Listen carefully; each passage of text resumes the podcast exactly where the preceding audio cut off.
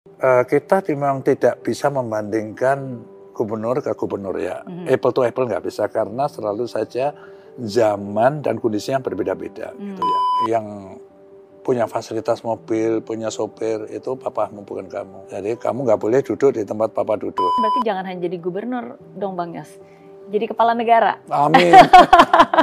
Bahkan aku tuh romantik loh. Oh iya. Kata Pak Rini. Oh iya. Misalnya apa? Hari ini senang banget karena bisa bersama dengan Pak Sutioso, Bang Yos. Aduh. Apa Mary, kabar? alhamdulillah sehat. Yang penting itu. Sehat. Sekarang. Wow. Hmm. Kamu juga sehat kan? Sehat, puji Tuhan semua anak-anak, suami sehat semua. Puji Tuhan sehat. Ibu juga sehat. Iya, sehat banget. Dua anaknya juga luar biasa. iya, betul.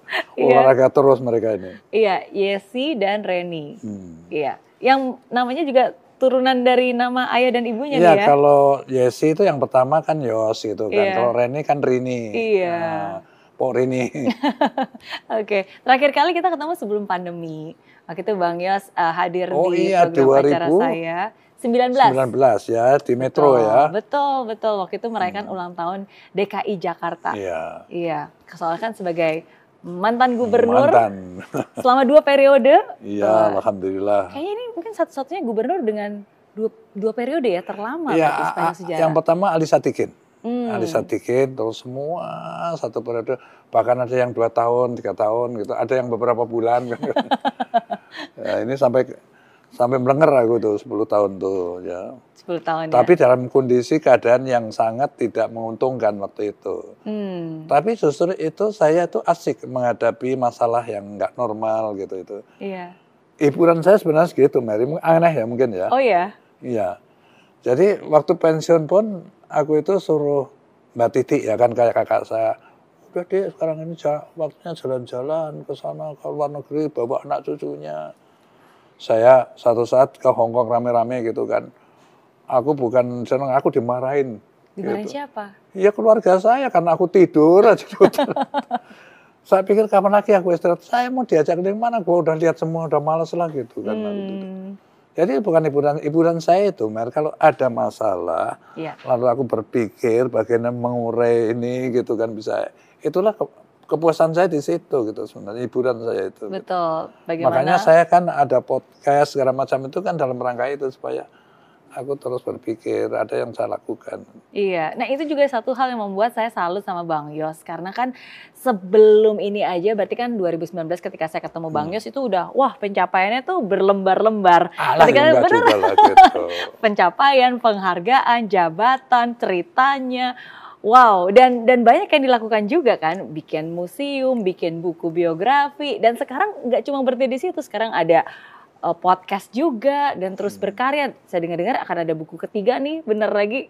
Apa? Ada bakal ada buku lagi mungkin kayaknya. Ya pasti karena masih ada jabatan berikutnya setelah itu. Oke. Okay. Ya waktu saya di kepala bin kan ada yang harus diceritakan tapi belum sempat tertulis. Dan akhirnya nanti akan dituangkan lagi. Oh. Jadi kayaknya bagi saya seorang Bang Yos itu seseorang yang energinya tuh nggak ada habisnya untuk selalu berkarya hmm. dan uh, ya membuat sesuatu hal yang bermanfaat. Kayak tadi Bang Yos bilang, kesenangannya hiburannya ya pokoknya ya, ada masalah ya, cari solusinya ya. gitu. Ada yang dikerjakan, ada yang dikerjakan. Yang dipikir gitu.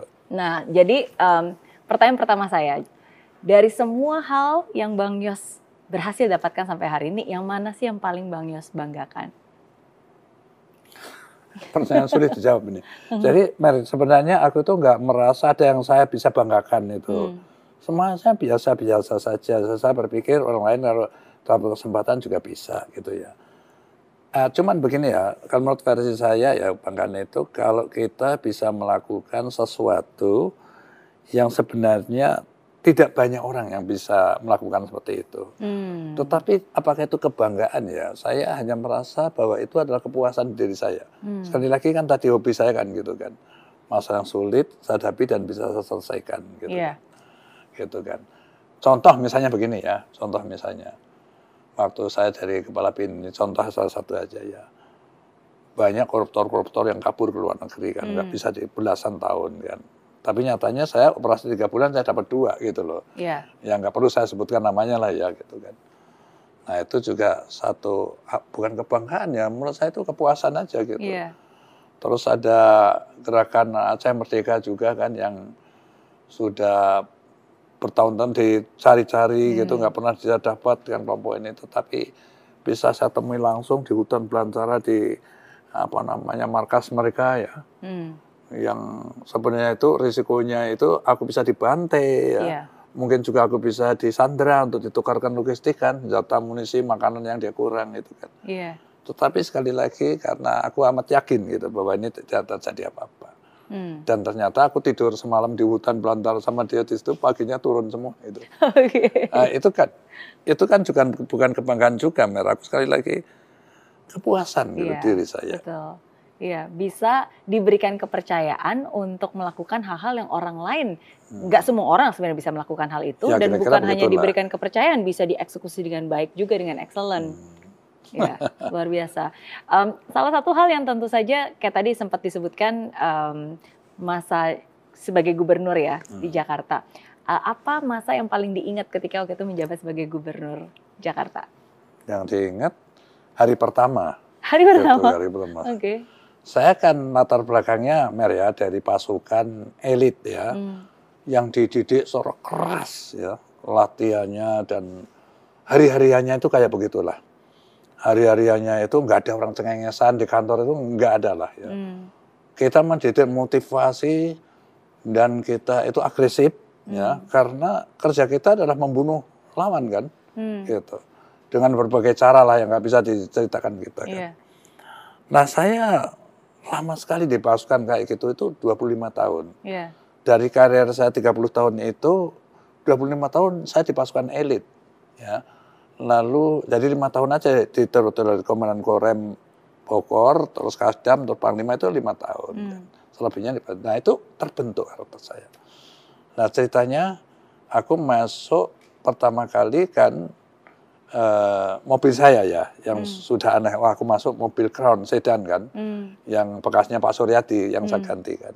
Biasanya pakai Land Cruiser, itu kan Jeep itu kan. Yeah. Ya. Ada bintang duanya di depan gitu kan dikawal dua polisi militer gitu kan. Nah, waktu aku masuk mobil mau kantor, aku pertama kali naik apa pakai safari kan. Ajudan saya gubernur juga belum ngerti kan, maka ajudan panglima saya bawa Kapten Diki. Hmm. Uh, Diki, kamu pakai safari hari ini kamu ajudan saya ya. Saya, aku sampai saya ngerti nanti yang ganti kamu siapa gitu. Hmm. Oh siapa kan itu udah. Udah masuk mobil.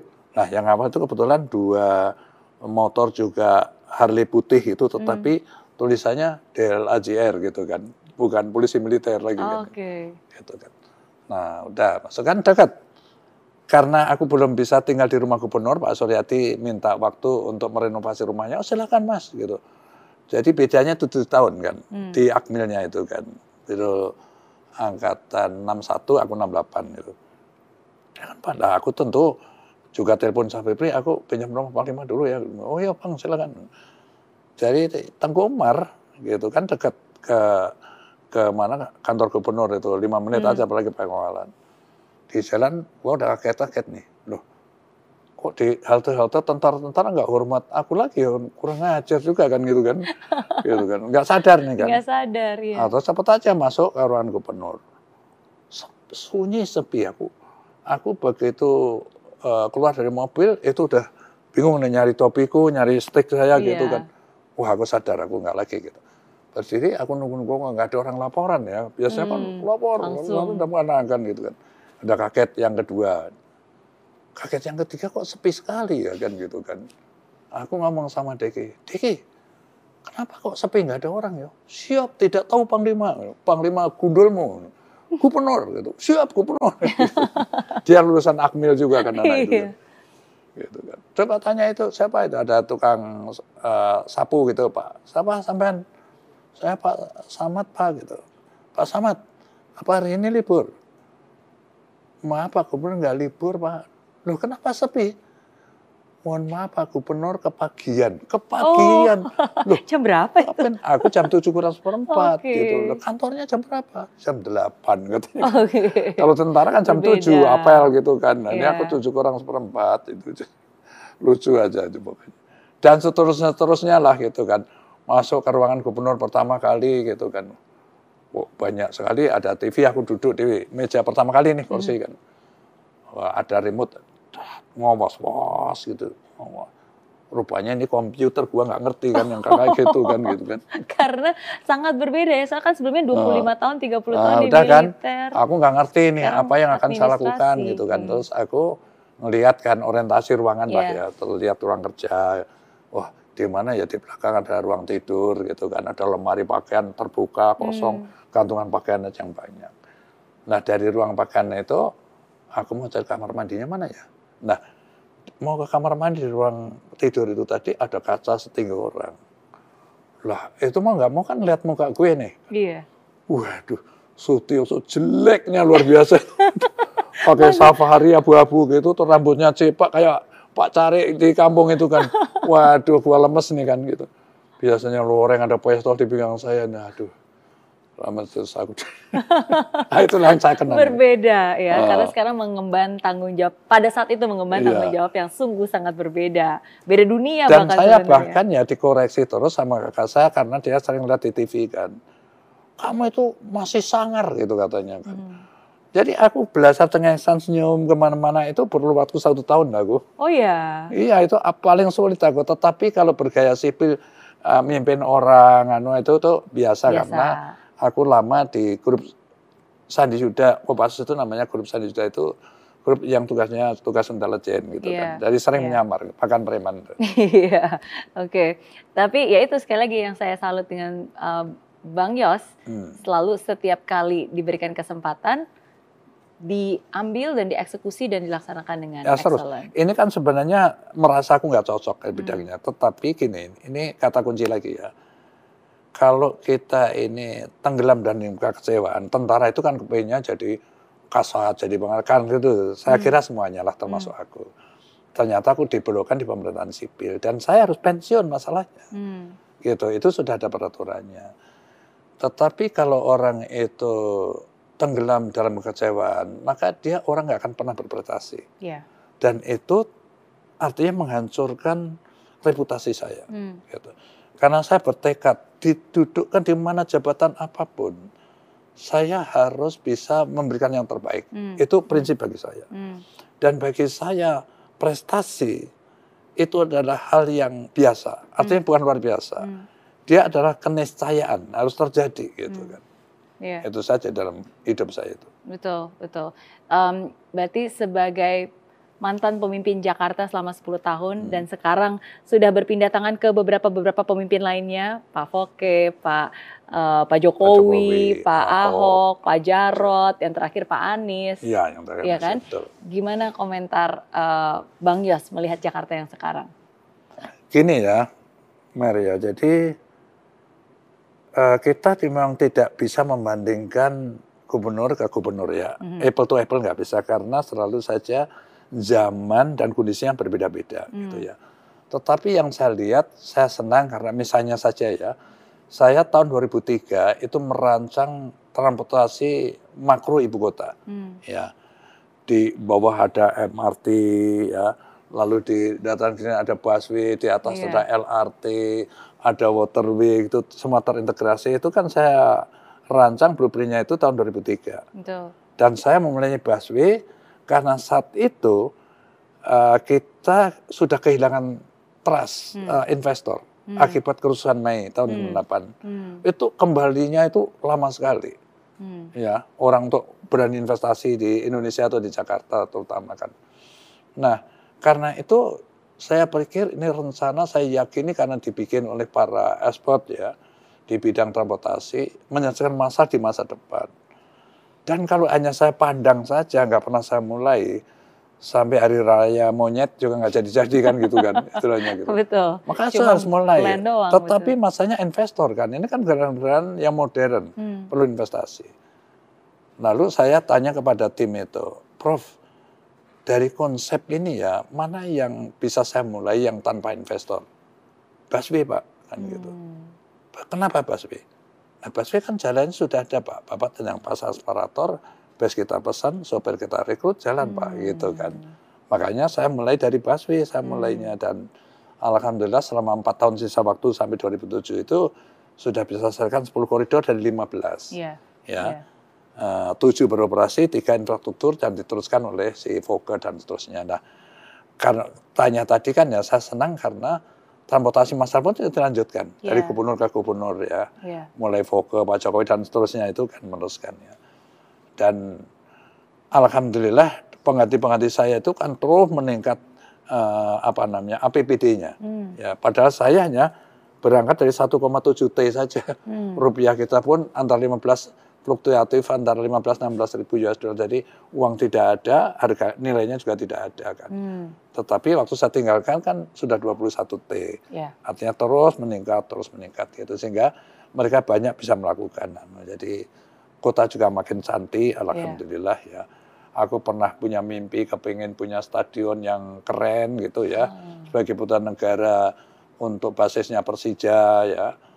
Terus dibikin yang terakhir ini Anies ya Jakarta International International Stadium, Stadium. gitu kan alhamdulillah. Iya, iya. Gitu. Ya, semua saya yakin apa pun yang bisa kita nikmati hari ini itu juga berkat jasa dan kontribusi pemimpin-pemimpin Iya, sebelumnya terus berikut dan masyarakat yang juga Dan selalu harus begitu pemimpin itu selalu harus mempelajari apa yang harus teruskan dari eh, penjabat yang saya ganti ini. Hmm. Aku pun seperti itu dulu. Hmm. Masa paling sulit yang pernah dialami oleh Bang Yos. Masa paling sulit maksudnya waktu kapan? Kapan pun, selama perjalanan. Perjalanan hidup. Waduh ya amat sulit lah ya. Lebih sulit mana nih jadi kepala bin atau jadi gubernur atau jadi waktu dulu di militer atau Ya selalu kesulitan itu ada, tetapi kalau masa sulit ya tentu waktu kecil kan, Oh, waktu iya. gitu gitu kan. oke. Ya, yang paling saya ingat itu begini ya. Eh, di desa saya itu awalnya itu hanya ada tiga kelas, satu dua tiga negeri nih Mhm, SD-nya itu. Dan gurunya satu namanya Pak Citro Diarjo. mhm. Itu ayah saya, Oke. gitu kan lengkap. Jadi nyari guru pun udah sulit lah orang bisa baca nulis sudah sulit di desa kan. Iya. Desanya di mana Rasakan. waktu itu Bang Yos? Hah? Desanya di mana? Pongangan itu dekat Semarang, nempel Oh, Semarang. dekat Semarang. Oke. Dulu desa, sekarang udah masuk kota Madia. Oke. Jadi Sutioso kecil anak desa sekarang udah anak kota gitu kan karena udah mesti. Nah, oke. Setelah naik kelas 4 sekolah kan di mana kan gitu kan. Iya. Nah, ruang tamu kita yang termasuk besar ya untuk ukuran kampung ya rumah kita kan. Yang untuk tamu itu dibagi dua sama ayah saya. Hmm. Untuk kelas 4 dan kelas 5. Mhm. Tetapi saat itu mulai cewek-cewek kece udah pada datang ya guru yang magang. Oke. Dan indekosnya pun di kamar di rumah saya, Iya. indekosnya kan. Ada dua, tiga kamar kan. Kamar satu untuk ayah ibu saya, kamar dua untuk cewek ini, kamar satu untuk saya. Hmm. Kakak-kakak saya sudah pada eh, anu, ke kota, udah Iya. pindah kan. Nah, waktu waktu saya kelas 3 4 itu jadi satu selama dua tahun itu ke sekolah satu langkah saja. Dan udah masuk Ke kelas. ruang gitu. tamu soalnya kan. Cerita singkatnya ya, setelah saya kelas 6, kelas 6, eh, lalu space mana yang mau dikorban nggak ada lagi kan. Hmm. Nah saya harus sekolah di kecamatan namanya Gunung Pati, itu 4 kilo dari Hmm. desa saya. Hmm. Celakanya lagi teman saya sekolah nggak ada satupun di Pongan itu yang mau melanjutkan. Hmm. Ah, udah keren lah, udah eh, sampai kelas 5 pun udah bisa baca nulis sudah keren gitu Hmm. kan. Udah untuk ukuran waktu itu kan. Jadi Sutioso kecil kelas 6 itu karena aku mungkin kelas 4 eh, apa 4 5 tahun juga sudah masuk sekolah kan ya karena di desa ya. Hmm. Dan ayah sendiri ya mungkin bangsa berapa ya 10 11 tahun lah Hmm. kelas 6-nya itu kan. Jadi setiap pagi subuh berangkat sendiri, pulang sendiri gitu. Satu saat ya, ya itu kan lewatin sawah, lewatin hutan gitu ya, lewatin Hmm. kampung lain gitu kan. Satu saat pulang sekolah itu saya sudah kan nggak pernah dibekalin duit aku kan gitu. Hmm. Udah haus sekali, hausnya bertambah karena tadi ada pelajaran olahraga main bola Main kan bola gitu kan. capek. Jadi Iya. haus, haus, Iya. haus banget. Kalau capek kan nggak terasa aku karena udah biasa jalan kaki di mana. Nah, eh, eh, waktu berhenti gitu kan, ah, udah mau mati nih. Ngelihat ada sawah, ada pancuran gini kan. Gua mikir nih Mary ya, aku mau mati kehausan apa mati minum air itu ya?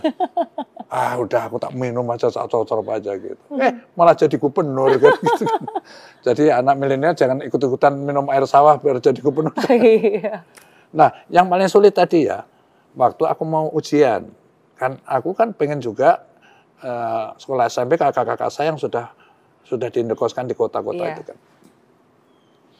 Jadi eh, apa namanya ujiannya saya harus di Kawedanan, bukan di kecamatan lagi, di Hmm. Kawedanan Ungaran. Hmm. Jadi saya jalan kaki dari desa saya itu 4 kilo ke kecamatan, 8 kilo lagi ke eh, Kawedanan. Hmm. Untuk ujian 12 kilo aku jalan kaki. Wow. Dan itu Waduh. umur 11 tahun. iya. Iya. Jadi eh, berarti kelas 6 berapa itu? Ya du- 12 tahunan mungkin. Iya. ya? Iya betul ya. Iya, iya. Oh, belum ada mungkin aku karena aku mungkin 4 5 tahun udah Mulainya 5 lebih tahun udah awal masuk ya. anu. Gitu kan. Jadi Hosan dan aku selama ini nggak pernah nulis, nggak pernah apa. Kenapa kok nggak pernah nulis? Alat tulisnya nggak ada gitu kan. Jadi aku udah telatnya mendengarkan pelajaran itu begini aja dengerin gini kan. Hmm. Gitu kan. Maka daya ingat saya jadi baik itu karena itu. Hmm. Tradisi itu kan. Iya. Jadi Gitu. masa-masa sulit justru yang paling diingat justru yang masa-masa kecil Iya ya. masih kecil ya. Karena Kalau waktu tugas ya tentu saja terlalu panjang Iya. mer untuk diceritain waktu Iya. tugas di sini di sini. Aduh sudahlah. Betul. Kamu tahu sendirilah di pasukan kayak gitu ya ke pasukan elit itu kan kalau ditugaskan itu kan apa ibaratnya 50-50 lah antara hidup dan mati. Betul, gitu. betul. Nah itu karena kalau karena Bang Yos bilang em, antara hidup dan mati. Seringkali masa-masa sulit itu benar-benar pertaruhan ya. Iya. Kadang-kadang kan ini nyawa di tangan. Satu keputusan hidup bisa berubah, satu keputusan hidup bisa nggak ada juga gitu kan. Hmm. A- ada nggak saat-saat em, di mana Bang Yos merasa bahwa ini tuh benar-benar sesuatu kejadian yang mukjizat, spiritual, sesuatu yang di luar batas kemampuan manusia. Artinya kalau manusia sih ini harusnya udah nggak akan mungkin ini bisa terjadi nih, tapi terjadi dalam hidup Bang Yos. Oh iya ya, itu Hmm. waktu aku SMA. Hmm. SMA kelas 3. Cerita singkatnya gini ya, aku itu kan nakal banget lah waktu SMA itu ya. Nakal banget. Nakal banget ya, berkelahi aja terus kan gitu kan. Udah, aku itu udah jadi pemimpin geng motor gitu kan Hmm. di sana kan. Jadi dari hidup sengsara ya, dari SD sampai 2 SMA itu udah sengsara banget. Tetapi kelas 3 hidup saya eh, apa berubah gitu. Hmm. Mengapa? Karena kakak-kakak saya sudah jadi orang gitu kan, sudah Hmm. jadi pegawai ini gitu, yang punya mapan lah Hmm. gitu lah. Mereka membeli apa mengumpulkan uang lalu membeli tanah di kota Semarang itu. Iya, Bang Yos anak paling bungsu Membangun ya. sehingga aku tinggal di rumah sendiri setelah Hmm. bangun rumah di situ kan. Hmm. Nah, siapa yang masakin saya, ngobainin saya? Nah, sedang ibu ayah saya ada di kampung karena harus ngajar kan. Hmm. Ibu saya akhirnya pindah nemenin, eh, nemenin saya khusus. Tetapi sepertinya ada komunikasi ya dengan dengan kakak saya yang ada di Pontianak itu kan. Ada dua orang yang di Pontianak. Kalau mungkin ini ini adikmu ini kalau terus kayak begini mau jadi apa nggak ngerti gitu. Tiba-tiba aku suruh pindah saya menjelang ujian. Hmm. Ujian SMA itu aku dipindah ke Pontianak. Kira-kira tiga bulan lah. Hmm. Oh aku suka dongkol setengah mati, tapi ya kan nggak bisa ngelawan pakai kapal laut, muntah-muntah aku nggak pernah pakai kapal laut. Terus pesennya ibu saya hanya satu aja mau berangkat. Le, le, kue ojo gelutan mana ya neng kono engko. Kamu jangan berkali lagi ya kalau di sana nanti kan gitu kan. ya oke lah aku jadi anak baik ya karena Nasihatnya eh, itu ya. kan? rumah kakak saya itu daerah elit kan ya Hmm. pejabat di kota baru gitu. Sekolah SMA 1 juga hanya 100 meter aja kita jalan kaki, Hmm. jalannya aspal bagus itu. Udah sekolah, habis itu pulang belajar. Itulah pertama kali Sutioso belajar secara sungguh-sungguh menghadapi ujian. Hmm. Nah terus puasa kan, kakak ipar saya, aku suruh beli pisang untuk buka puasa nanti Hmm. kan gitu kan. Aku pakai Land Rover, mobil dinas kakak saya kan. Jadi kira-kira ya dari ke tempat itu kalau 15-20 menit lah. Hmm. Karena jalan dulu karena masih sepi kan, sampai ke pasar. Parkir, terus nyebrang jalan, pisang-pisang itu udah kelihatan di pasar, di Hmm. kios itu kan, di pintu masuknya kan. Udah aja, beli karena buru-buru kan. Iya. Terus saya taruh di belakang bak yang terbuka itu. Begitu aku, loh kok kuncinya nggak ada ini kan gitu. Tak cari di mana-mana nggak ketemu. Gitu. Tak saku saya nggak ada gitu. Tanya semua orang yang pernah saya lewatin juga nggak ada. Nah terus aku akhirnya ke belakang kan gitu. Jalan nggak ngerti mau ke mana sudah putus asa. Gitu. Diikutin orang. Aku mulai curiga ini siapa ya gitu. Terus tanya kamu siapa gitu ini. Kamu eh, apa kamu bawa mobil bawa gitu tak parkir nggak mungkin zaman itu kan yang punya mobil hanya pejabat dan orang kaya aja Iya. kan Iya. terus tak sakunya gini belakang karena tangannya gini terus kan bener kata saya kan. Kunci mobilnya Bang Iya, Yos. kenapa kok nggak kamu ngomong? Ya sudah kamu bawa aja gitu kan. Nah, sudah kan tapi penyakit lama kambuh lagi. Loh, orang bikin susah saya kan sini kamu. Gitu. Langsung tak straight sekali aku mukul curet tuh langsung nggak bilang moncrotannya itu apa darahnya Hmm. bajunya putih itu darah semua gitu ya sudah tak tinggal aja rupanya dia ngejar saya atau teriak-teriak Hmm. gitu nah ternyata dia juga orang Madura yang jual buah-buahan Wah, aku dikeroyok Oh, orang sepasar. Sepasar pasti. nah di situlah ya aku larisan larisan mempertahankan hidup ini. Ya ada yang bawa pisau segala macam. Aku sudah mikir inilah akhir ajat saya di sini. Aku pasti mati aku sudah di tembok belakang saya supaya saya bisa menghadapi orang di depan aja gitu kan. Wah. dikerumunin banyak orang waktu aku di anu lemparin anu batu. Itu tiba-tiba ini Mas Yose ya? kan gitu. Oh iya iya iya kaget ada orang pakai pakai preman kaosnya gitu rambutnya cipak pakai pistol pakai apa gitu kan ternyata itu anaknya istilahnya itu Pak Le ya Om itu ya Mhm. Pak Le saya di kampung itu yang jadi marinir Oke. itu dari provos ya kan oh iya iya aku langsung ngomong gitu aja kan nah aku ditolongin dia itu Iya. gitu loh Untung aja. Nah, itu kan mujizat namanya. Mhm. Ketemu nggak pernah tiba-tiba dalam keadaan yang kritis aku diselamatkan. Hmm. Oke. Kan ka- tadi tanya mujizat kan. Iya, iya itu salah satu mukjizat. Padahal aku ya. sudah pikir ini ha- hanya hanya Tuhan saja yang menentukan hidup mati saya. Hmm. Iya. Amat sulit bagi saya untuk bisa mempertahankan dengan menghadapi begitu banyak orang dan membawa senjata tajam. Iya, dan pada saat itu kan mereka taunya kan Bang Yos yang mukul dan berdarah-darah kan mereka nggak tahu Hmm. Iya, iya, betul. sebelumnya. Dan tentu saja ya. Mer ya masih banyak cerita lain, Iya, tapi yang iya. paling saya ingat itulah. Iya, iya. Tapi itu menunjukkan sih bahwa eh, ya memang belum saatnya karena masih banyak hal-hal yang mungkin Tuhan ingin Bang Yos tetap lakukan di dalam hidup ini karena Nah, setelah, itu setelah kan itu kejadian banyak. itu terus jadi militer ya terus di daerah-daerah pertempuran itu aku makin yakin hmm, makin yakin bahwa nyawa itu adalah di tangan Tuhan pada, pada saat Tuhan belum mengendaki nggak akan pernah terjadi hmm, Ah, itu amat yakin aku Karena banyak nggak misi-misi dalam peristiwa yang saya ceritakan saja itu iya. ya. Betul, betul. Ya, karena seperti yang tadi, eh, kan sebelum ini Bang Yos juga udah sering cerita betapa kesigapan dan kesiapan itu selalu dibutuhkan. Kadang-kadang suruh tugas ke sini, suruh oh tugas ke iya sana. kalau itu di kan. satuan kami amat mendadak mendadak itu udah biasa itu. Betul, dan itu beresiko. Kadang-kadang ketika pergi harus meninggalkan Ya, pasti. keluarga, belum tentu akan bisa kembali. iya iya karena itu juga, kan. sudah ja- anu ya di mana-mana di negara mana pun ya namanya pasukan elit ya kalau kita kan Kopassus namanya ya Hmm, di Malaysia pasukan khas misalnya hmm, ada yang namanya Special Forces ada yang Green Beret ada Hmm. yang SAS segala macam itu di negara-negara orang tentu saja selalu diberikan tugas yang niscaya dinilai oleh user hmm. usernya itu biasanya panglima tempat ya Eh, tidak mungkin bisa dilakukan oleh pasukan-pasukan biasa gitu. Hmm. artinya risikonya pasti tinggi Hmm. dan itu kita sadari semua lah gitu. Iya, iya.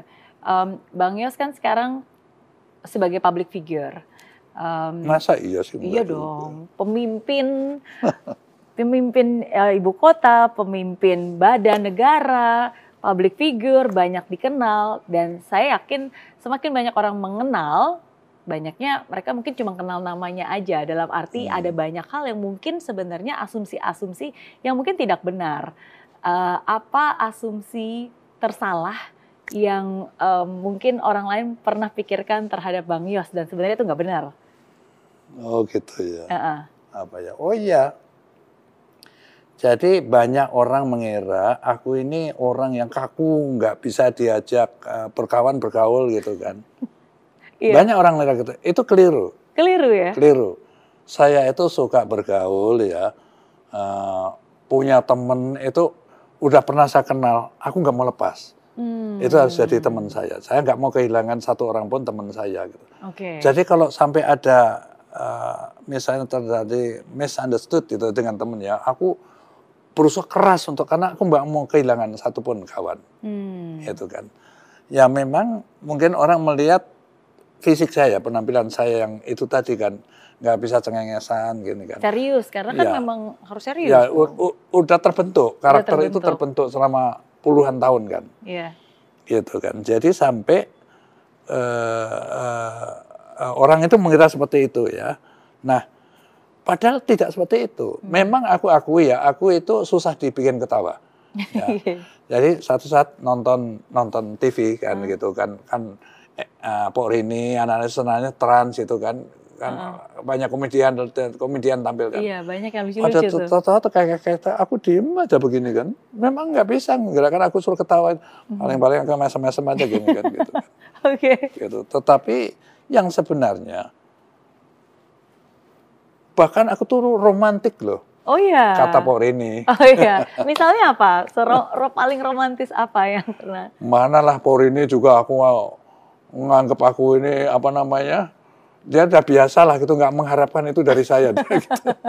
Oke. Okay. Uh, karena dia ngerti aku, aku itu uh, apa namanya prajurit yang hmm. sudah uh, udah terbentuk lah karakter seperti itu, jadi Betul. susah juga. Romantis lah. Karena Tetapi kan, yang paling penting kan. Apalagi dua tahun lagi hati. juga mau ulang tahun pernikahan yang ke 50 ya. Siapa? Bang Yos. Uh, oh iya iya iya. Iya kan? Nanti ya. Iya, jadi sorry balik Masih lagi dua tadi. tahun lagi. Masih dua tahun lagi. Hmm. Mm-hmm.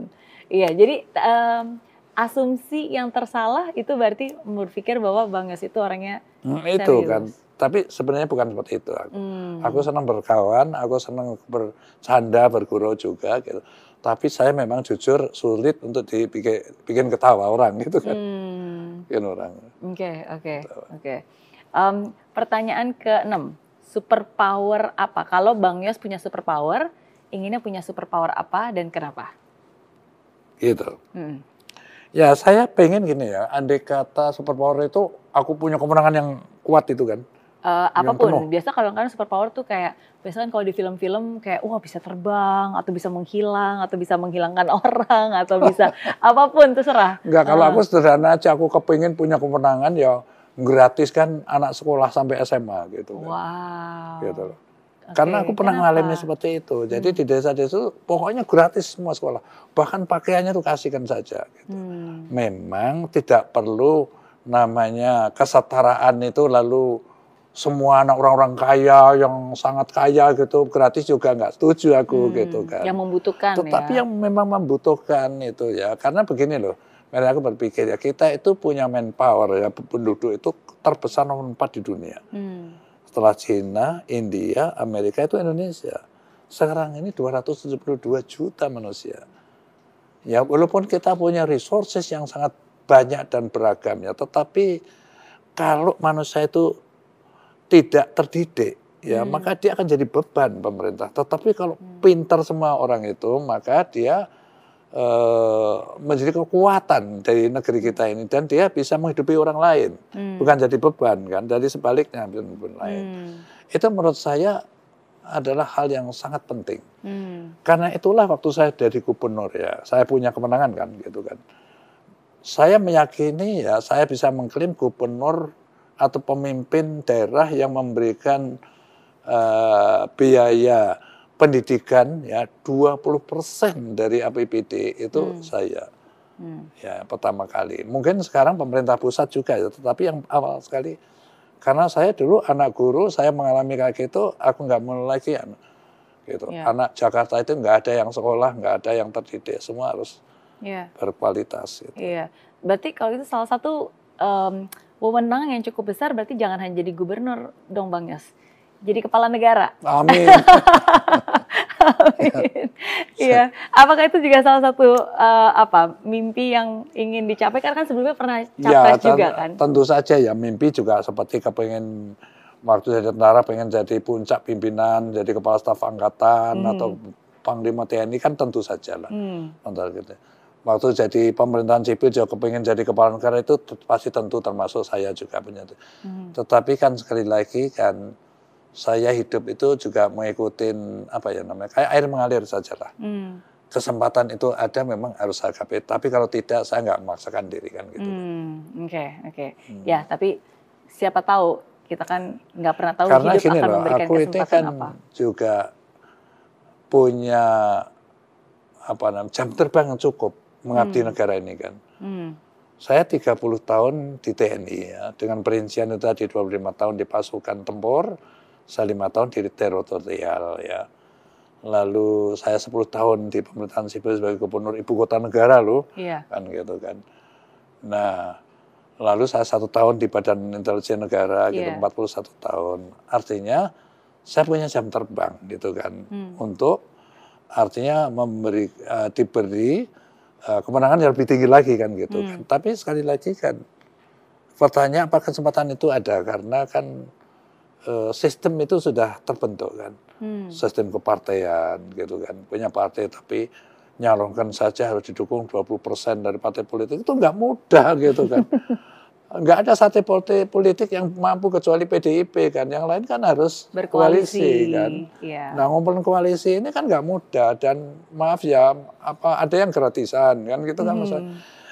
jadi kendalanya banyak itu kan satu fakta yang ada kan Hmm. yang itu tentu saja akan menjadi hambatan-hambatan Hmm. Makanya saya katakan tadi kan semua kan jatuh Tuhan. Iya. Saya ikutin aja air itu mengalir ke mana gitu saya ikutin aja. Hmm. Oke. Tetapi seperti pepatah kan, eh, the old shoulders never die, Hmm. they only fade away gitu kan. Jadi hilang sebentar aja gitu kan.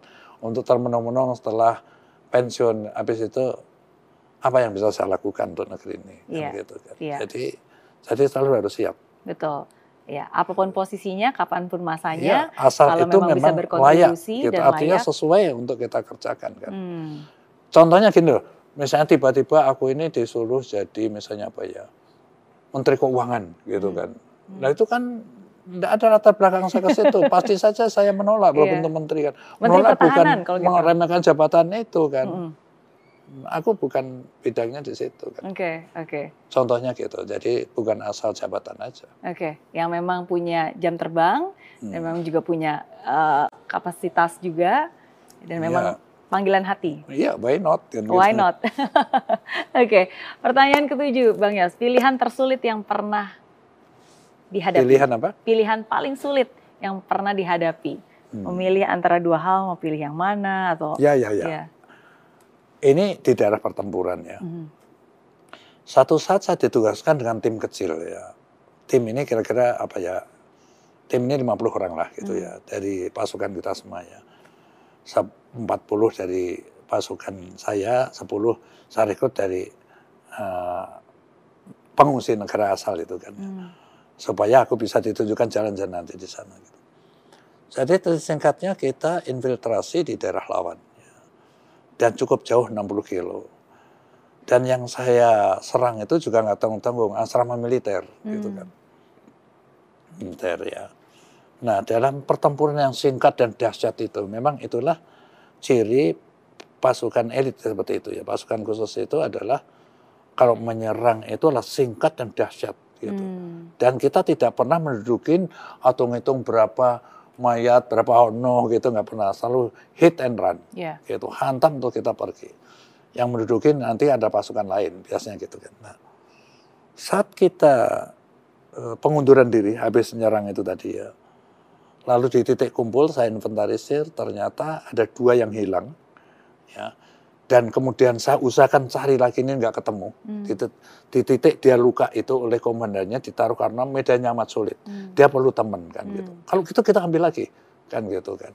Maka ke pengundurannya sampai saya nunggu anak ini nyari itu kembali nggak ketemu lagi. Hmm. Rupanya itu sudah pindah dan dan cerita singkatnya anak ini akhirnya ketangkap dan dia tidak mau ngaku dan akhirnya digantung dia di pohon. Oh. Nah yang satu ini yang aneh ini kan luka dia dan dia terpisah dari kelompok besar ini dari kelompok lain hanya mengingat briefing saya terakhir kalau kalian nanti satu saat tersesat eh, kamu lihat aja matahari terbenam Ah, itu arah barat Hmm. itu arah ke Indonesia jadi kamu gitu anak ini mempraktekkan itu Wow. dengan luka tangannya ya dia luka di sini dipotong sendiri gitu dia anu gitu ngeri dia cerita dia dan dia sendiri itu ada, ada amat panjang diceritakan. Nah, yang kelompok besar itu ternyata tadi kan dua hilang ya. Yang akhirnya satu satu kembali. Tapi ada empat yang luka. Hmm. Nah, empat luka ini sesuai dengan arahan dari atasan berwenang. Kalau ada anak buahmu luka dan kamu yakini itu mempersulit gerakanmu dan membahayakan pasukan yang lain ya karena lambat gerakan Hmm. kita. ya kamu selesaikan saja gitu. Hmm. Maksudnya kan harus saya bunuh anak ini kan. Hmm. Nah pas terjadi itu, aku masih berusaha untuk geret dia terus dari kejaran lawan itu. Pada saat uh, situasi rada aman ya, musuh rada jauh gitu, lalu dia pun sadar dia, udah pak saya ditinggal saja pak, gitu. Saya tambahin granat iya. aja pak, nanti kalau saya ketangkap dia mau bunuh diri gitu hmm. dengan udah enggak kamu kamu bisa selamatkan kamu ikutin aja terus kita pokoknya atur rumah apa gantian anak-anak itu kan yang masih hmm. sehat itu walaupun dia kecapean ya udah jalan jauh malam tidak makan pagi juga tentu saja nggak sarapan kan hmm. kita masih dikejar musuh terus gitu tetapi alhamdulillah satu saat aku dapat medan kayak mangkok raksasa gini kan hmm. gitu karena bukit-bukit-bukit memang kok gini kan tempatnya aman dan ada air hmm. yang kita amat sulit dapatkan air jernih ini kan karena di situ kalau kemarau itu sungai pun kering, kerontang. Gitu. Yeah. Bahkan Unimog pun bisa masuk ke situ. Kan. Nah jadi e, di tengah-tengah kayak begitu kan, aku buka radio. Gitu, buka radio. Anak-anak tak suruh masakan gitu, karena belum pada makan kan, yeah. aku buka radio. Aku minta dievakuasi. Ini kan hal yang seperti mustahil. Aku ngerti di dekat sana Atambua itu ada helikopter satu itu pun eh, helikopter sipil pilotnya juga orang sipil hmm. namanya aku ingat Bambang Irawan kan hmm. gitu kan nah terus ada staff namanya Mayor Yusman gitu kan saya saya telepon dia asop kan gitu bang itu aku minta jemput ada buah saya juga sebenarnya senior senior saya itu juga menyatakan udahlah sesuai prosedur saja gitu hmm. maksudnya dibunuh saja yeah. kan gitu kan tapi sekali lagi ini pilihan yang amat sulit. Aku nggak tega lah anak buah saya sendiri gitu. Aduh, nggak bisa. Ini walaupun luka kakinya, aku masih yakin kalau bisa dievakuasi bisa anu hmm. hidup ini kan. Nah bayangkan ya, ini di negara orang lain di ke tengah kepungan musuh terus kita minta dievakuasi evakuasi, itu kan amat sulit lah. Iya. Barang yang tidak masuk akal. Tapi saya minta coba, kalau terbang mereka kan, terbang saya bikin tanda anu lah sesuai koordinasi kan lima asap saya bikin setiap asal tak suruh ngebutin dua prajurit itu kan terus kan. Lihat nggak? Nggak lihat. Kan dia terbang terlalu tinggi. Aduh, gini ini kan. Bagaimana bisa melihat ke bawah dia kan gitu. Kan kan takut ditembak dari bawah betul. masalahnya kan. Wadah aku sudah ngeluh kan muter terus nggak ngerti-ngerti kita di mana. Terus akhirnya ngarah ke barat lagi, waduh pulang lagi dia kan. Aku udah lemes kan, aduh. Hmm. Aduh, tulis itu kan. Terus aku nekat, aku telepon pangkat yang lebih tinggi kan, komandannya kolonel kan kolonel dading kan gitu kan. Aku ngomong kolonel saya mohon bisa coba lagi pak gitu. Ya kita oke coba kita mau review dulu ya gitu. Udah terbang lagi. Perintahkan pak pilotnya agar terbang lebih rendah lagi gitu kan. Biar kelihatan ya, titiknya. Jadi kan? tadi kalau uh, Mary ya saya ceritakan tadi kalau segini tadi waktu saya suruh merendah ya segini lah gitu kan tetap aja masih tinggi kan. Muter, lihat nggak lihat terus gitu miring gitu. Akhirnya langsung miring. Karena pada saat miring itulah saya tembak pakai pistol. Hmm. pistol suar kan. Cat warna hijau kan. Lihat tuh lihat lihat. Kan ya di situ kita gitu kan. Ya dia tak suruh merendah kan. Mulai approach gitu. Udah saya sarankan lewat selatan. Selatan itu laut. Yeah. jadi pada saat dia muter merendah di laut kan aman kan. Yeah. sudah rendah baru dia mendekat ke kita. Hmm. itu udah keren kan gitu. Walaupun tetap aja ditembakin tapi kan kan kecepatan itu dia tetap aman tetapi di sisi lain aku jadi ketahuan kan. Hmm. Kan dengan tembakan itu suara itu mau lah ngerti Musuh aku di mana. Udah dihujani mortir sudah tembakan. Tapi anak ini sudah sudah teranu kan tiga ternyata helikopternya tiga oh, nggak bisa tiga lagi udah gitu.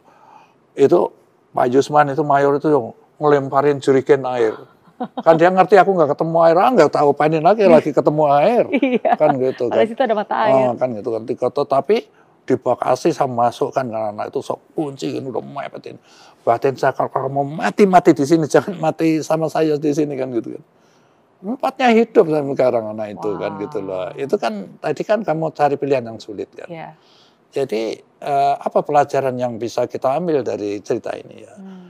bahwa satu lagi keyakinan hmm. pokoknya hal yang tidak mungkin itu ya jadi yang impossible itu bagaimana kita jadikan possible kan gitu kan hmm. Kita harus berusaha keras gitu kan hmm. usaha kecuali aku sudah berusaha anu nggak bisa lagi kan itu kan kecuali yeah. tetapi sekali lagi aku kan pernah ngomong tadi kan bahwa nyawa kita ini ditentukan oleh Tuhan kita Betul. gitu. Kalau belum mengendaki anak tadi juga belum dikendaki mati kok dia. Betul. Masih bisa masih bisa diselamatkan lewat saya kan, lewat Betul. pilot itu tadi kan. Betul, betul. Dan itu benar banget sih seperti yang tadi Bang Yos bilang, nyawa kita, yang menentukan nyawa kita hidup atau tidak ya, ya Tuhan, Pada bukan saat nyawa orang lain aku pun juga bukan di tangan karena, kita. Amat yakin karena udah berulang kali aku ngalami hal seperti itu. Hmm, Oke, oke.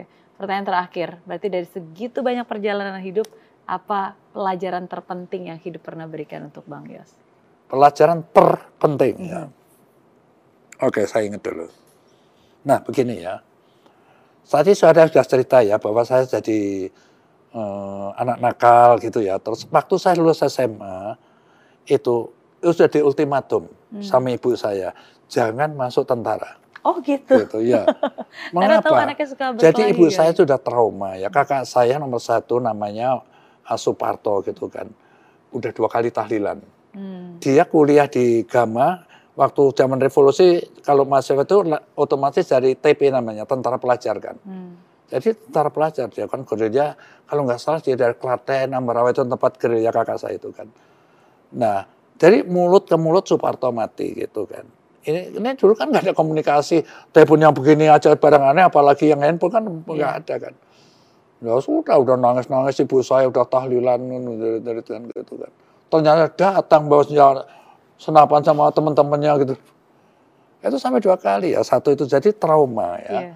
Lalu rumah kita yang saya cerita tadi yang cukup besar di desa waktu Iya. Jepang datang gitu, lalu dibikin posko oleh Hmm. Jepang. Jadi diusir ayah saya, kakak-kakak saya ini kan. Itu tidur di gua-gua namanya gua Kreo gitu di situ itu. Hmm. Dia tinggal di situ. Nah kadang-kadang ibu itu kan ngintip rumahnya kayak apa gitu, nyamar gitu kayak anu kan gitu kan. Ngelihat rumah kita untuk nyeksa para pejuang-pejuang itu kan gitu. Hmm. Jadi, nah terus cilakannya lagi kan gini kan, laki ini ya Novanto lalu ini meninggal, lalu ini tiga empat ini jadi marinir, perwira marinir. Terus perempuan baru aku, laki-laki yang terakhir kan. Jadi betapa curahan sayangnya itu kan ke saya dari ibu Iya. saya itu kan. Ya sudah jadi tentara, janganlah udah gitu. Jadi eh, di dalam benak beliau itu jadi tentara cepat mati, udah gitu saja. Hmm. Akhirnya aku disuruh kuliah ya. Kuliah di fakultas teknik ya. saya rasakannya hati saya tidak sepenuhnya di situ. Lalu yang kedua juga fasilitas yang diberikan saya itu sangat minim gitu kan. Contoh ya misalnya yang namanya di fakultas teknik itu mutlak harus punya meja gambar lah. Meja gambar itu aneh diputar-putar ada ukurannya kayak gitu kan ya. Ini aku terus nebeng teman saya terus kan aku sudah sudah nggak enak hati lah kayak gitu kan. Iya. Aku juga punya perasaan juga kan itu aduh udah. Ya aku nanti jadi apa ya aku akhirnya tipu-tipu saya sama ibu saya pura-pura kayak kuliah padahal enggak gitu kan. Udah pokoknya ngerjain yang enggak enggak aja gitulah nggak bisa diceritain ya. Teknik sipil ya waktu itu terus kuliahnya. dua tahun itu kan berjalan dua tahun. Nah satu saat aku sadar termenung-menung dua hari dua malam aku terus kayak gini aku ini mau jadi apa kan? Hmm. Atau kakak-kakaknya jadi sini, kakak jadi ini, aku ini jadi apa gitu kan. Kalau aku sekolah juga hanya tipu-tipu kayak begini, aku jadi preman atau tukang tambal sepeda paling-palingan gitu kan. Hmm. Jadi sekarang saya hatinya ke mana? Saya adalah hati saya adalah masuk ke akademi militer. Hmm. Nah itu sudah bulat, kita putuskan. Aku harus kalau pengen jadi orang aku harus sana. Sekolah tidak bayar, dapat pakaian, dapat perlengkapan, dapat makan gratis, endekos gratis, uang saku, ah, kurang apa lagi? Lebihnya lagi begitu lulus aku langsung dapat gaji. Iya. Tidak ngemis-ngemis lagi sama kakak saya kan, Iya. gitu kan. Aku dapat udah makin kenceng ini ke mana. Masalahnya bagaimana caranya supaya nggak ketahuan kan itu kan. Maka aku mendaftar menggunakan alamat teman saya Hmm. namanya Bambang Sumantri namanya kan. Oke. Ah, pakai alamat dia kan. Jadi asal ada undangan tes itu kan, adiknya naik sepeda tempat saya. Mas, Masud, Masud, Masud, ada undangan gitu. saya baca. Nah, tes di Semarang di Kodam kan masih di kota nggak mungkin ketahuan kan, Iya. Ah, lolos. Habis itu tes berikutnya ke Bandung gitu kan, saringan kedua setelah di sini ah, kesehatan dengan dengan apa namanya fisik, Fisik. tes fisik lolos itu ke Bandung. Waduh gimana ini ya? Aku pamit. Bu, aku lagi anu lagi liburan, aku mau jalan-jalan sama teman-teman. Iya. Ya wes kan gak ada kasih sa, asa, sa- aku seadanya itu kan berangkat itu kan. Padahal aku tes itu tadi kan. Pulang lagi dipulangkan lagi. Nah sekarang minggu kemudian dapat panggilan lagi yang ketiga. Hmm. Tapi di situ ada catatannya, bagi yang lulus tes terakhir yang ketiga, maka langsung dibawa ke Magelang. Oh. Gitu, nggak dipulangkan lagi yeah. kan. Waduh, aku terjadi perang batin ini. Bagaimana pilihan Kalau aku pamit, nanti dirontokkan. Iya. Karena salah satunya adalah izin orang tua. Iya. Memang aku dapat izin dari bapak saya. Bapak saya kan guru dan dudukan berat keras gitu kan aku mau masuk argumen juga dia hmm. aja tanda tangan aja kan tapi hmm. aku kan nggak ngerti ibu saya yang di Semarang kan nggak ngerti hmm. gitu kan gitu kan aku bisa diambil lagi masanya gitu kan di hmm. Akmil sana waduh aku bingung aku kalau aku ngomong udah tes ketiga udah terbatas orangnya aku nggak lulus akhirnya aku memutuskan untuk tidak pamit oh. gitu kan aku kabur ketemu seorang anak kolonel ya anak kolonel ke zaman itu udah keren banget loh tinggi aneh tinggi besar, rambutnya udah cipak gitu kan. Gitu kan. Udah sud, kamu beres nanti ikut saya kan. Aku ngerti kan udah pernah di transitu di situ Limbang udah pernah. Yeah. Gitu kan makanannya kan kayak tahanan itu kan. Yeah. Pakai tempe segini, dagingnya kayak silet itu, anu nasinya juga ada pasirnya ya, kan gitu kan. Sengsara memakannya kita nyuri tomat, nyuri anu di anu dekat asrama gitu, jadi masalah terus lah, gitu kan. Nah ternyata saya bertele-tele kan, karena menunggu yang dari Papua, dari ini kan nggak ada naik pesawat, dulu kan naik hmm. kapal. Lah kita yang dari Jawa Tengah naik kereta api kan sudah duluan, duluan. udah terseksa lama-lama di situ kan. Nah, jadi uh, uh, cerita singkatnya sampai aku lolos, aku akhirnya membuat surat cinta bisa-bisan sama ibu saya kan. Hmm. Saya cerita ngaku-ngaku, hmm. jangan aku hanya pesan saya jangan sampai diambil lagi di Magelang nanti kan gitu hmm. loh, kan gitu kan. Nah, Lalu saya jadi seperti ini kan, padahal tadinya kan cita-citanya mer dari cita itu kan sekolah yang gratis, dapat uang saku, dapat ini semua fasilitas, lalu kalau lulus langsung jadi pegawai kan, iya. kan dapat gaji kan itu kan. Iya.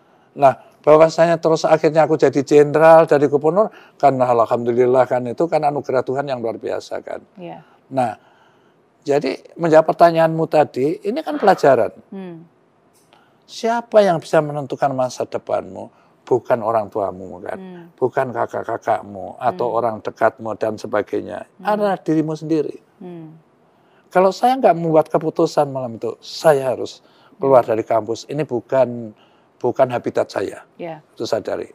Saya harus ada profesi, nah, kan gitu. Mungkin ini juga dialami kenekatan itu sama Mary kan, iya. tiba-tiba ke Singapura, wah gaya banget ke luar negeri, duit juga kakak punya, kan gitu kan? Betul. Kan itu sebuah keputusan yang yang nyaris yang sama ini kan. hidup. Ya. Jadi itulah pelajaran saya kira yang para milenial juga terutama yang nonton acara ini agar paham gitu, hmm.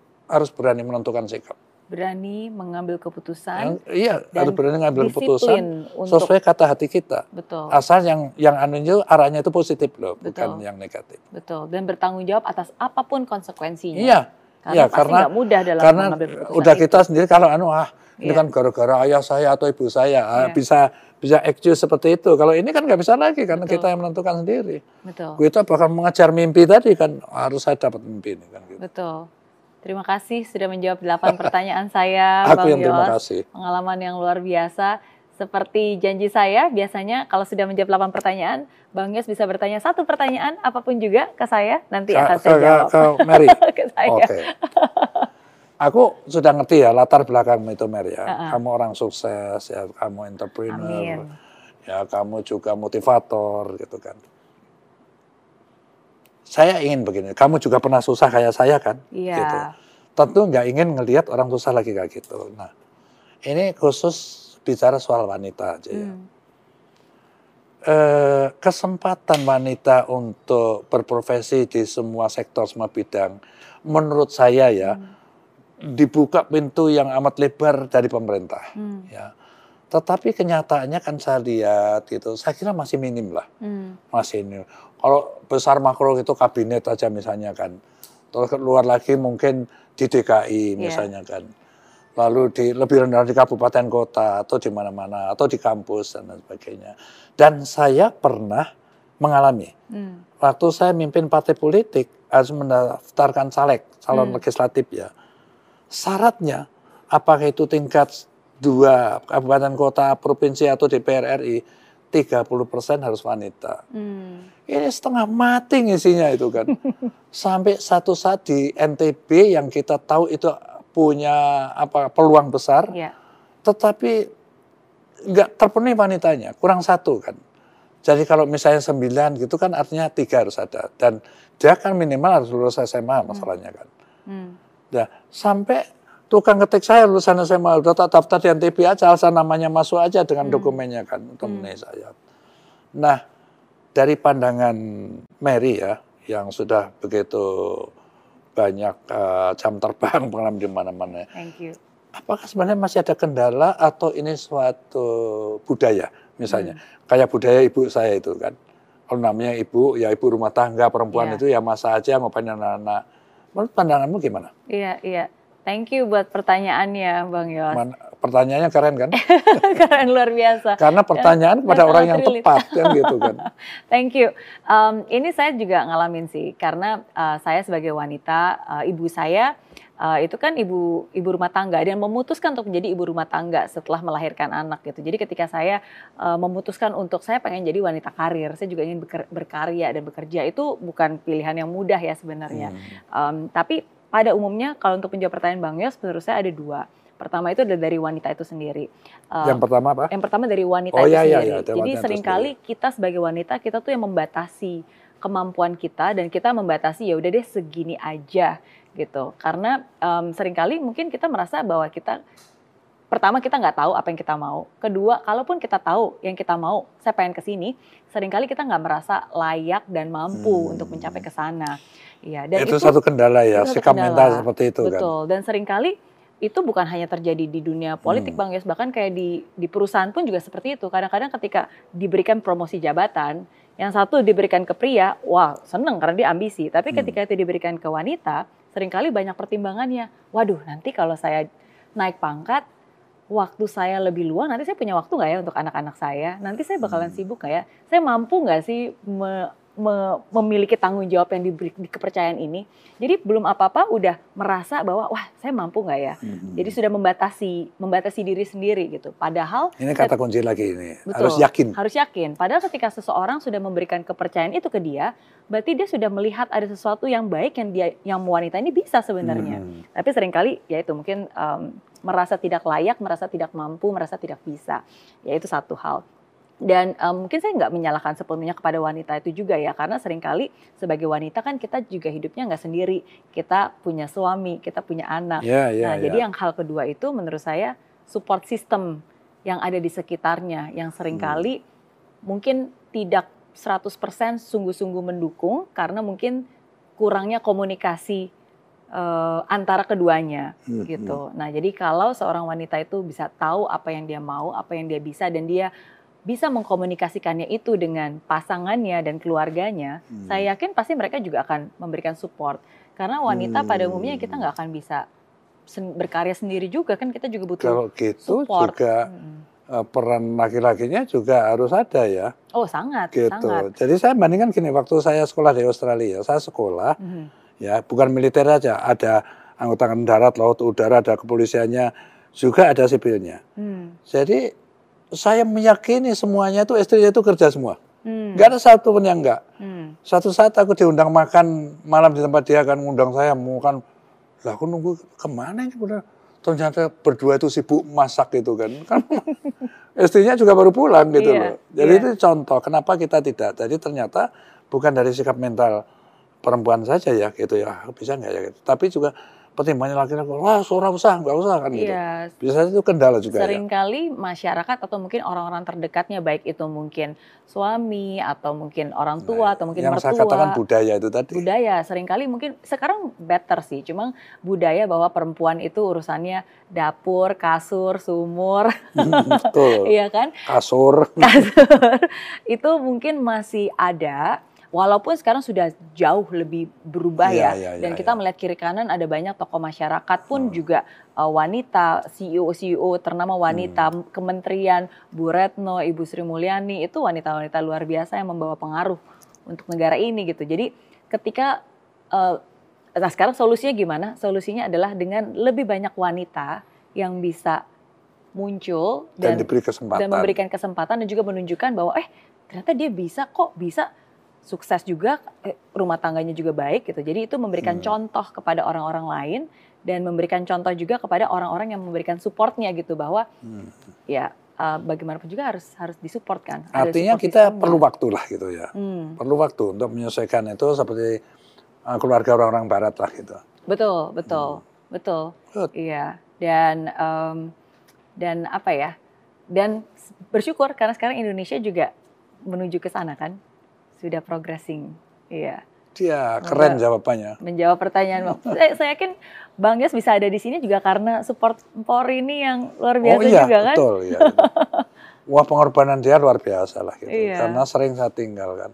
iya Dia saya nikahin juga masih usia muda karena kebutuhan dari sa- saya rata paksa aja udah keluar aja dari kampus betul karena aku komandan kompi aku bujangan persit istri prajurit itu siapa yang ngurus? Hmm, kan gitu. Iya dan jadi umur 20 tahun mimpin persit dia wow iya. Dan dua anak Bang Yos dua-duanya wanita yang juga luar biasa dengan karya-karyanya kan? Nah ya dia sudah anu dia sudah terlatih di alam militer itu sudah dari kecil kan? Hmm, waktu kecil ya si Ren itu kalau lihat penjagaan hormat hormat ini perempuan-perempuan itu. Takut dia kan? Iya. Dia saya ajarin ya. Yang punya fasilitas mobil punya sopir itu papamu bukan kamu. Hmm, gitu. Jadi kalau naik mobil karena mobil kan yang satu kan untuk antar saya juga nyebut anak-anak sekolah gitu kan. Hmm, jadi kamu nggak boleh duduk di tempat papa duduk satu itu. Hmm, kamu juga minta tolong sama anu kan. Kalau sudah kamu turun harus mengucapkan terima kasih. Hmm. gitu kan. Nah kalau enggak saya cek sama sopir. Tadi terima kasih nggak dia? Oh iya pak. Oke. Iya. Jadi saya melatih ya jangan sampai anak-anak kita itu merasa dia eh, apa merasa dia itu juga penjabat mendapat perlakuan apa saja. Oh no nggak ada itu. Iya iya. Nah, gitu. Termasuk waktu jadi gubernur kan saya larang anak-anak saya langsung ya. Keluarga saya kakak saya adik-adik saya istri saya kakaknya adik-adiknya jangan ada yang mengerjakan di DKI hmm, dan itu saya umumkan di kantor. Hmm, para pemegang eh, anggaran itu kepala biro asisten wali kota bupati ya, dan lain sebagainya lah. Gitu. Kalau ada proyek di DKI dan ada keluarga saya di situ kamu langsung saja pokoknya kalau ada yang minta kamu langsung tolak. Hmm, dan belakangan aku tahu ada keluarga saya ada hubungan pemerintah maka kamu langsung saya ganti. Hmm, gitu. Maka aku aman. Hmm. gitu Samad. Nah kalau bersaing seperti saya saya gitu boleh dong. Komplainnya kan gitu wajar kan? Ya kalau anak saya. Apa pun aturan yang kita anut itu- begitu itu memang anak saya pasti orang ini KKN udah pasti. Hmm, itu akan akan mengganggu fokus saya. Ya maka lebih baik nggak usah lah cari rezeki yang lain aja. Betul betul ya dan cara mendidik itulah yang Hmm, membuat jadi sekarang bisa menjadi diskusi ini. kita karena dengan orang pintar motivator jadi saya ingin juga memberikan masukan-masukan untuk pelajaran yang lain karena eh, apa namanya saya kira experience is the best teacher kan gitu kan maka itu yang perlu kita wariskan Iya, dan terima kasih Bang Yos sudah membagi kasih. ilmu uh, lewat buku-bukunya, sekarang juga lewat podcastnya. Jangan lupa yang lain harus subscribe nih ke channel YouTube-nya Bang Yos. Amin. Apa nama channel YouTube-nya Bang Yos? Apa Nama channel YouTube-nya? nama YouTube Heeh, benang merah bang Yos Benang Merah Bang Yos. Oke. ya, itu sekali lagi itu juga saya tujukan untuk para milenial ya Hmm. untuk termotivasi dari wawancara eh, figur-figur yang sukses sukses dari bawah bukan sudah di sini terus sukses Iya. suksesnya dari bawah contohnya adalah Mary Riana Terima kasih. Thank you sekali ya, lagi ya, Bang okay, Yos. Ya. Okay, sukses okay. dan sehat selalu. Amin. amin. Thank you.